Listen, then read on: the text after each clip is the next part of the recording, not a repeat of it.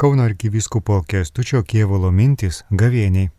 Rekolekcijos yra susimastymas ir apžvalga pačių svarbiausių gyvenimo ir tikėjimo temų.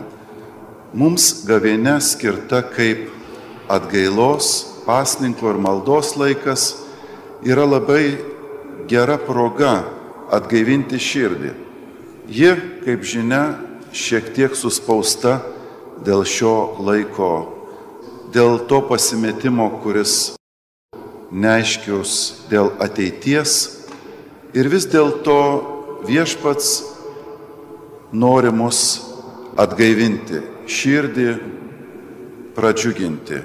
Tam ir susirenkame kaip bendruomenė, tam švenčiame Euharistiją, nes jis ateina į mūsų tarpą ir tokiu būdu keičiame gyvenimo kokybę, kuri taip svarbi, kad turėčiau įkvėpimo, jėgos ir upo imtis darbų, mylėti kitą žmogų, pagaliau gyvenime drąsinti kitus ir kitiem padėti. Šiandienos rekolekcijos temai pasirinkau pagundos apmąstymą, tai reiškia tai, ką Evangelija mini kaip dalyką, kuris ištiko ir Jėzų.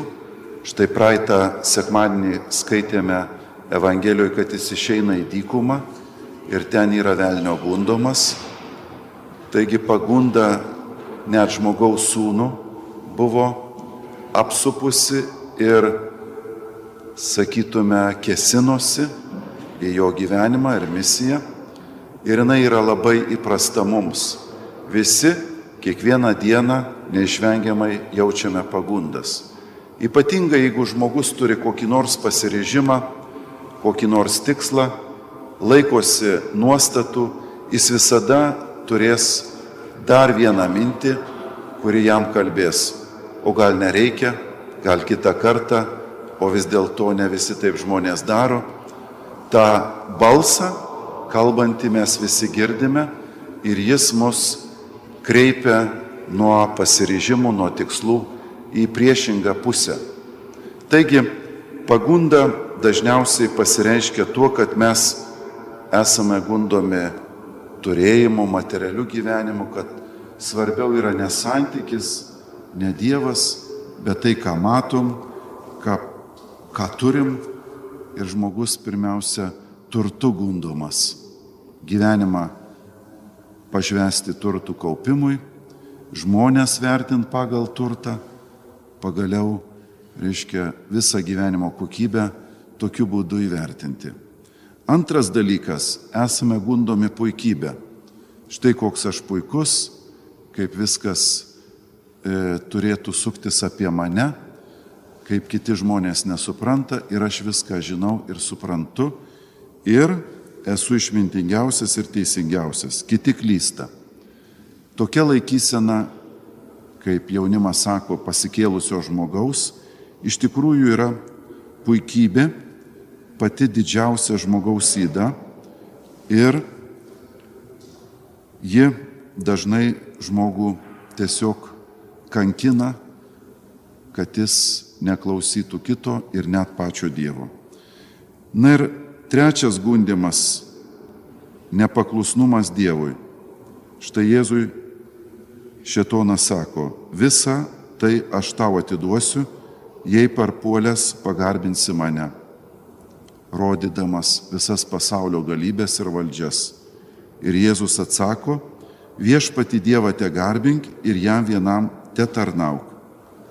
Taigi, ar tikrai jau Dievas reikalauja tokių dalykų. Ar tikrai jis taip jau kalbėjo? Ar čia tie Dievo įsakymai jau visada visur ir taip galioja?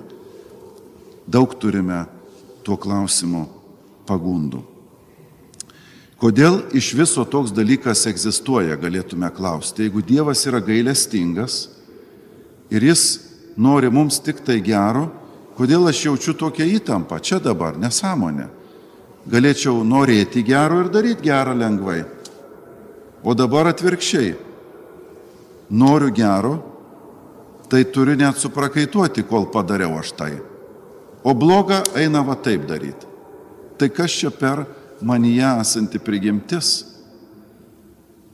Štai dėl ko Jėzų vadinam gelbėtoju, nes jisai duoda žmogui pirmiausia pavyzdį, kad žmogus gali įstovėti pagundoj, tad mums duoda savo dvasę, tai reiškia jėgą, tą, kuri ateina iš aukštybių, pasak Evangelijos ir švento rašto.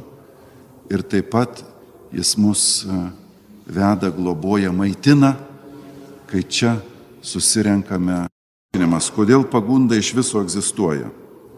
Atsakymas - Dievas mano gyvenime brandina dvasios vaistus, leisdamas patirti aplinkybės, kuriuose aš esu gundomas nusidėti. Pavyzdžiui, anokščia ugdymasis meiliai, jeigu aplink žmonės mane visi mane myli, gerbė, reiškia, man visi tik tai gerą žodį sako, tu mylėk, kai to žmogaus šalia nėra, kai galbūt atvirkščiai kiti mane niekina, neklauso, pagaliau prieštarauja. Labai yra paprasta būti ramiam, žvelgiant į besileidžiančią saulę, sėdint prie jūros, bet išlaikyti ramybę, kada galbūt yra kiviršio ar konflikto nuotaika, išlaikyti ramybę, kai kiti panikuoja, tada aš augu. Ne kaip sportininkas specialiai dedasi savo įvairius krūvius kaip tikslą kad stiprėtų jo pajėgumas kovoti. Tai pagunda yra tam tikras tas sunkumas, per kurį praėjęs aš stiprėju. Izraelio tauta taip pat klaidžiojo 40 metų dykumoje ir buvo gundoma bei bandoma. Mes tą skaitome išėjimo knygoje.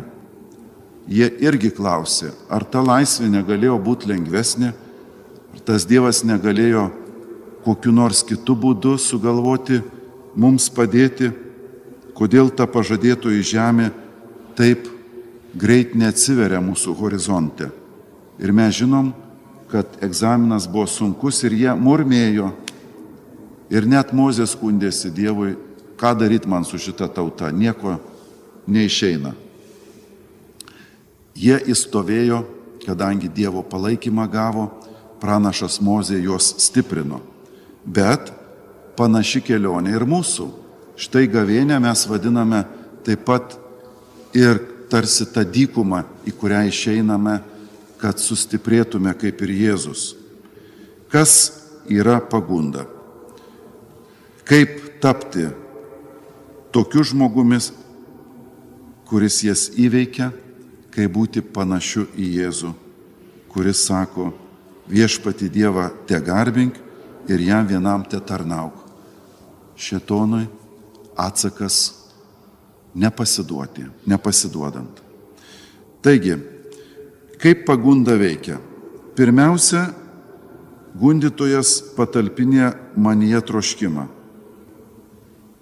Tai gali būti nuodėmingas troškimas, pavyzdžiui, keršto, noro kitą kontroliuoti, nusidėti, arba Tai gali būti leistinas, normalus troškimas, toks kaip mylėti, būti įvertintam ar jausti malonumą. Pagunda prasideda mintise, kad tu pasiduotum blogam troškimui arba kad tu leistiną troškimą išpildytum neleistinu būdu ar laiku. Taigi, troškimas tarsi nieko tokio, bet tai jau yra pirmas etapas mano mintise pradeda žaisti mintis, e, e, įvairios idėjos, kurios priveda mane prie abejonės. Antras etapas. Ar tikrai, ką Dievas ir bažnyčia sako, yra nuodėmė? Ar tikrai jau taip čia jau blogai bus? Ar tikrai Dievas kur nors sakė tai nedaryti? Ar ne Dievas turėjo omenyje tai, bet kalbėjo kitiems žmonėms ir kitais laikais, ar ne Dievo noras, kad būčiau laimingas. Taigi abejonė arba svarstymas dar nieko tokio, tai nėra nuodėmė. Abejoti yra normalu, klausti apie savo tikėjimą, apie tiesas, nes tokiu būdu aš atrandu tiesas ir savo tikėjimo pagrindus, klausinėdamas, bet iš kitos pusės abejonė gali nuvesti ir prie neklusnumo. Juk gundytojas siūlo melą. Ir man nėra lengva atpažinti tai, nes tarsi kaip migla kartais apima gyvenimą, akis, panašiai kaip tuos mokinius Emauso, kurie pačią gražiausią istorijos dieną, Velykų rytą eina, tuo tarpu net pažįsta to nepažįstamojo, kuris prie jų priartėja, kad tai Jėzus ir jie visą dieną yra toj mygloj, tik užsidega širdis Jėzui bekalbant. Jie tarsi prablaivėja, atsiveria akis ir širdis. Bet yra ir kitas variantas, kai žmogus patiki tuo melu ir padaro nuodėmę. Taigi, ketvirtas žingsnis ir yra tas nepaklusnumas. Pagaliau žmogus elgesi pagal tai, ką savo mintyse svarstė ir kokiai abejoniai ar melui pasidavė. Kas prasideda mintimis, baigėsi elgesiu. Tu pasiduodi tam, į ką yra nukreiptas dėmesys. Štai apaštalas Jokūbas įspėja, kiekvienas yra gundomas savo geismo pagrobtas ir suviliotas. Paskui įsilepsnojęs geismas pagimdo nuodėmę, o užbaigta nuodėmė gimdo mirtį. Nepasiduokite suklaidinami, mano mylimi broliai. Tokia apaštalo mintis.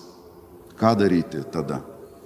Atrodo taip aišku, kur remtis, kur pagalbos ieškoti, kokį receptą galime savo prisitaikyti. Pirmasis pasiūlymas - atsisakyti įsigašti Kai kokia nors bloga mintis ateina, ar ten kokie nors e, pasvarstymai, žmogus įsigasta, o dangau, kaip aš toks puikus ir geras žmogus galėjau taip pagalvoti, kaip man jau čia taip tokiam šventam galėjo atsitikti. Vis dėlto neįsigasti minčių, nes jos gali būti tik pagundos, taigi nepergyventi. Net ir, pavyzdžiui, toks dalykas kaip piktumas. Ne, gali būti, kad tai grina emocija. Žmogus, e, kol nepadarė jokio veiksmo, piktumo genamas, tol nėra nuodėmės. Škia tol nėra įmanoma įvertinti, kad štai jau padaryta bloga. Piktumas, kol jausmas taip, aš galiu ir išplauti grindis iš piktumo kartais ir sudaužyti lėkštės, į visas pusės mane tai gali vesti. Bet mano išmintis turi sakyti, kad štai taip pikstu, man nelengva, bet Dieve padėk, galbūt viskas bus tvarkoje.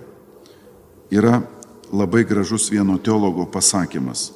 Tu negali neleisti paukščiams skraidyti virš tavo galvos, bet tu gali jiems neleisti ant savo galvos susisukti lizdą. Tai tu tą gali. Paukščiai tai tos mintys, jos krieja, bet kontroliuoju veiksmą. Antra, reikia atpažinti gundimo būdus, nes vienos situacijos mane greičiau pagreuna, kitos netaip. Vienas žmogus vienokių dalykų yra sugundomas, kitas kitokių. Taigi, atpažinti, kur esu silpnas ir kur mano tos pažeidžiamos zonos. Ir trečias dalykas - reikia prašyti Dievo pagalbos. Dangus turi 24 valandų sos liniją. Taigi, Dievas nori, kad mes į jį kreiptumėmės, kai kovojame su pagunda. Kai pagunda priremia, aš neturiu laiko ilgoms maldoms. Aš šaukiu pagalbos. Kaip Šventas Petras ar Paulius, jie meldėsi ištikti grėsmės tom strėlinėm maldom vadinamom, trumpom. Viešpatie padėk, pasigailėk, ateik viešpatie Jėzau, stiprink širdį, padėk Dievę. Visa tai strėlinės maldos galima jas siūsti bet kuriuo metu. Taigi, Dievas niekada neusigauna, nesupyksta, jis yra kantrus su mumis. Net jei ir šimtus kartų mes per dieną prašysime jo pagalbos, jis pasigailės ir padės mums. Štai laiškas romiečiams mus drąsina. Jei lūpomis išpažinsi viešpati Jėzų ir širdimi tikėsi, kad Dievas jį prikėlė iš numirusių, būsi išgelbėtas.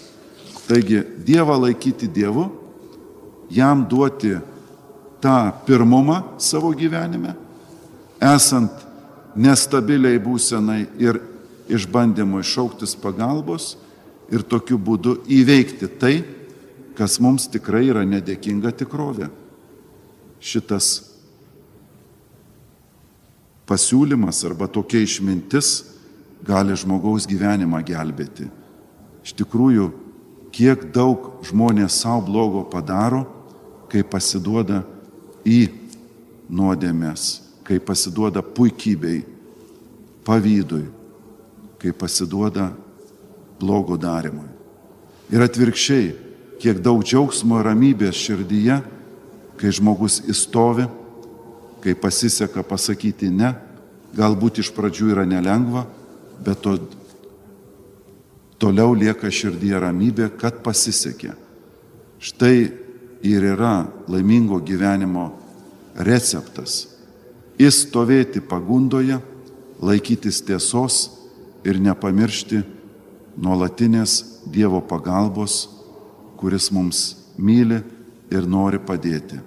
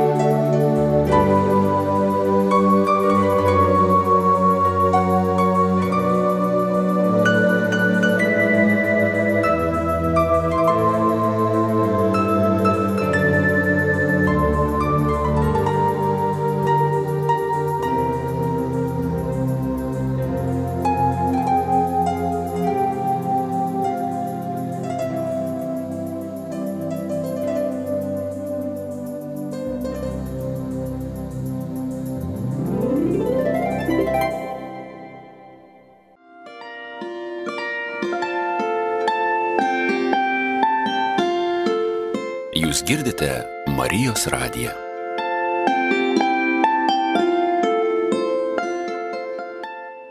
Šis laikas, tiesą sakant, galima pavadinti suintensyvintų pratybų laiku, kad galėtume ištverti tuose momentuose, kurie krikščionį neišvengiamai užklumpa ir pagundos, ir abejonės, ir sviravimo laikas. Šis laikas yra skirtas sustiprinti mumise tris savybės, kurios būtinos krikščioniškam gyvenimui - maldos, pasninko ir išmaldo praktikas, kad eimantis intensyvesnės maldos, pasninko praktikos ir ryštantis geriems darbams, žmogus neturi trimituoti, neturi pūstis, kad štai kažką aš nepaprasto darau. Šie dalykai yra įprasti krikščioniškam gyvenimui ir jie turi būti praktikuojami visada. Na, o gavėnios laikas yra išskirtinis dėmesio atkreipimo į šias praktikas laikas.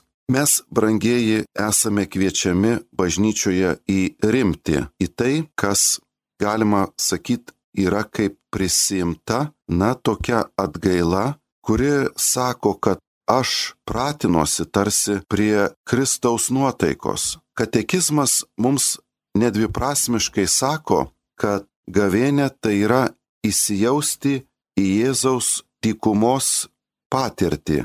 Prieš viešąją misiją Jėzus išeina į dykumą, į vienatvės metą, tuoj pat Jonu jį pakrikštijus, kai dvasia paliūdijo jį esant mylimai sūnų, ta pati dvasia jį pakino nukeliauti į dykumą. Ir joje, kaip Evangelijos liūdija, Jėzus praleido 40 dienų, nieko nevalgęs, tarp laukinių žvėrių su angelais, kurie jam tarnavo.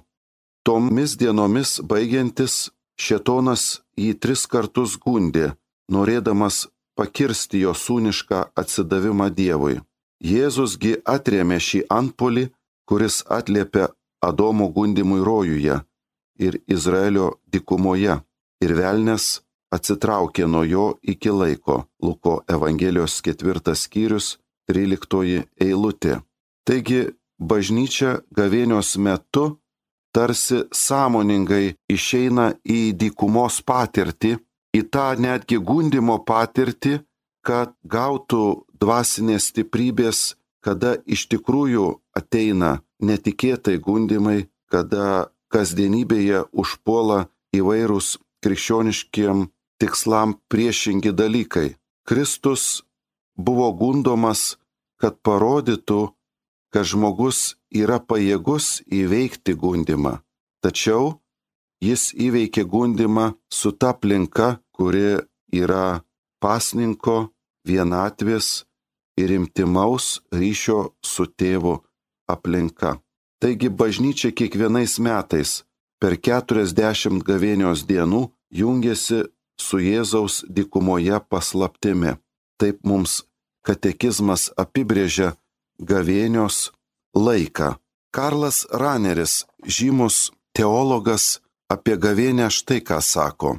Tai pasninko prisimtos kančios laikas, tačiau jis vienokiu ar kitokiu būdu vyksta per visą mūsų gyvenimą. Šiandieninė siekianti gerovės bei vartotojiška visuomenė priprato prie malavimo, kai nuolat sudaromas įspūdis, jog visur klesti šviesi laimė, o ten, kur tai dar ne visiškai pasiekta, su trupučiu geros valios ir nesulaikomo žmonijos pažangos dėka netrukus bus tai pasiekta. Žinoma, nesakome nieko prieš sveikesnį, turtingesnį gyvenimą, daugiau laisvalaikio ir panašius šio laikinės žmonijos idealus. Tačiau išlieka skausmas, senatvė, lyga, nusivylimas santoka, vaikais, profesija ir galiausia mirtis, kurios neišvengia ne vienas, net ir tas, kuris gyvenime viešpatauja. Todėl išlieka klausimas, kaip su šia kančios ir mirties tikrove susidoroti. Cinizmas daug nepadės. Krikščionis tikėjime, viltyje ir meilėje šį savo gyvenimo aspektą suvokia kaip dalyvavimą viešpaties kančioje. Tikint ir vilintis, priimti savo paties kančią išmokstama per tai, kas krikščioniškoje eskezija vadinama savanorišku, leistinų dalykų atsisakymu. Visa, ką ir šiaip gyvenime turime blaiviai, realistiškai ir su viltimi ištverti, gali būti išgyventa kaip krikščioniška kančia. Gavėnios metu visa tai turėtų būti bažnytiškai, liturgiškai ir sakramentiškai, taigi viešai išreikšta ir tai parodytų, jo Kristaus kančia prisiemama laisvai ir su meile. Taigi galim sakyti, brangieji, kad mes laisvanoriškai prisiemame kančią šiandien per šį laikotarpį, kad tos kančios, kurios mus ištiks ateityje, nebūtų mus žlugdančios, dramatiškos, nes tam tikrą prasme mes prisimdami laisvai kančią prie jos, na, negalim sakyti priprantame, bet šiek tiek sustiprėjame ją priimti, kai ištinka, kai nusivylimas ateina. Ta nuotaika, kuri laisvai priimta, šiandien man gali būti kaip pratybos tikroje kovoje, kai jinai ištiks, kaip nuožmi, nepakeičiama tikrovė, ar lygos, ar kokio nors išbandymo, ir tada aš turėdamas dvasinius raumenis galėsiu pakelti tuos išbandymus. O kągi kalbėti, kad šis laikotarpis yra įsijautimas į Kristaus patirtį, tą, kurią jis turėjo dykumoje, tą, kuri jį vedė į kryžiaus kančią.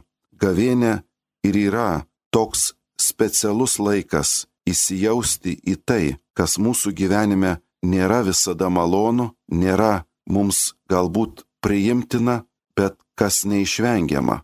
Aš turiu turėti savyje įgūdžių imti kasdieninį kryžių ir jis man bus švelnus ir našta lengva, jeigu aš turėsiu šio kryžiaus prisėmimo praktiką. Kartą teko internete skaityti tokius žodžius, kurie iš tikrųjų verčia susimastyti ir taipogi paaiškina, kodėl mums kiekvienam reikalingas šis laikotarpis. Ten buvo parašyta taip, tiesiog nuostaba ima, kaip žmonės lengvai atsisako Dievo ir paskui stebisi, kad pasaulis vis blogėja ir blogėja. Nuostaba ima, kaip žmonės tiki, ką sako žiniasklaida, bet nepasitikė Biblija. Nuostaba ima, kaip žmonės nori patekti į dangų be tikėjimo, mąstymo ir tikrai darant tai, ką sako šventas raštas. Nuostaba ima, kaip žmonės sako, aš tikiu į Dievą, bet veikia taip, kaip yra gundomi šetono, pasirodančio dykumoje. Vėlgi nuostaba ima, kaip žmonės greitai įsitraukia į nepadorius juokelius, bet jeigu kas pradeda kalbėti apie Dievą, traukiasi į šoną.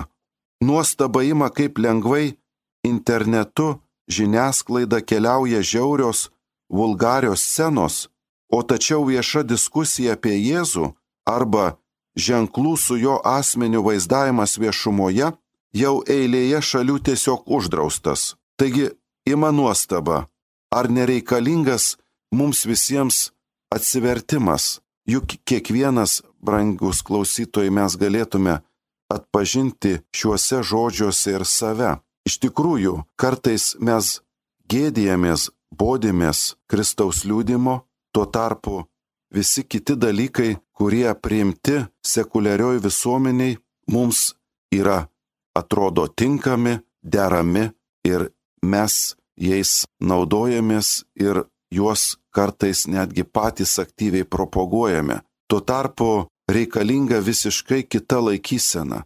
Štai dėl ko ne vieną kartą gavėnios metu mes būsime kviečiami atsiversti. Galėtume sakyti, taigi aš jau esu tikinti žmogus.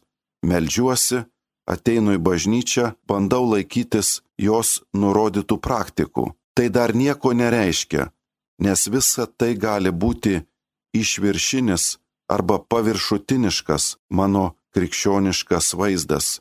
Mano širdis, mano vidus turi persimti tą nuotaiką, kad nuostaba neimtų, kokia ima šiandien, kai mes matome tokius dalykus, kurie vis dėlto nedominuoja plačioji visuomeniai, o vis dėlto jie turėtų būti pagrindiniai mūsų rūpestis.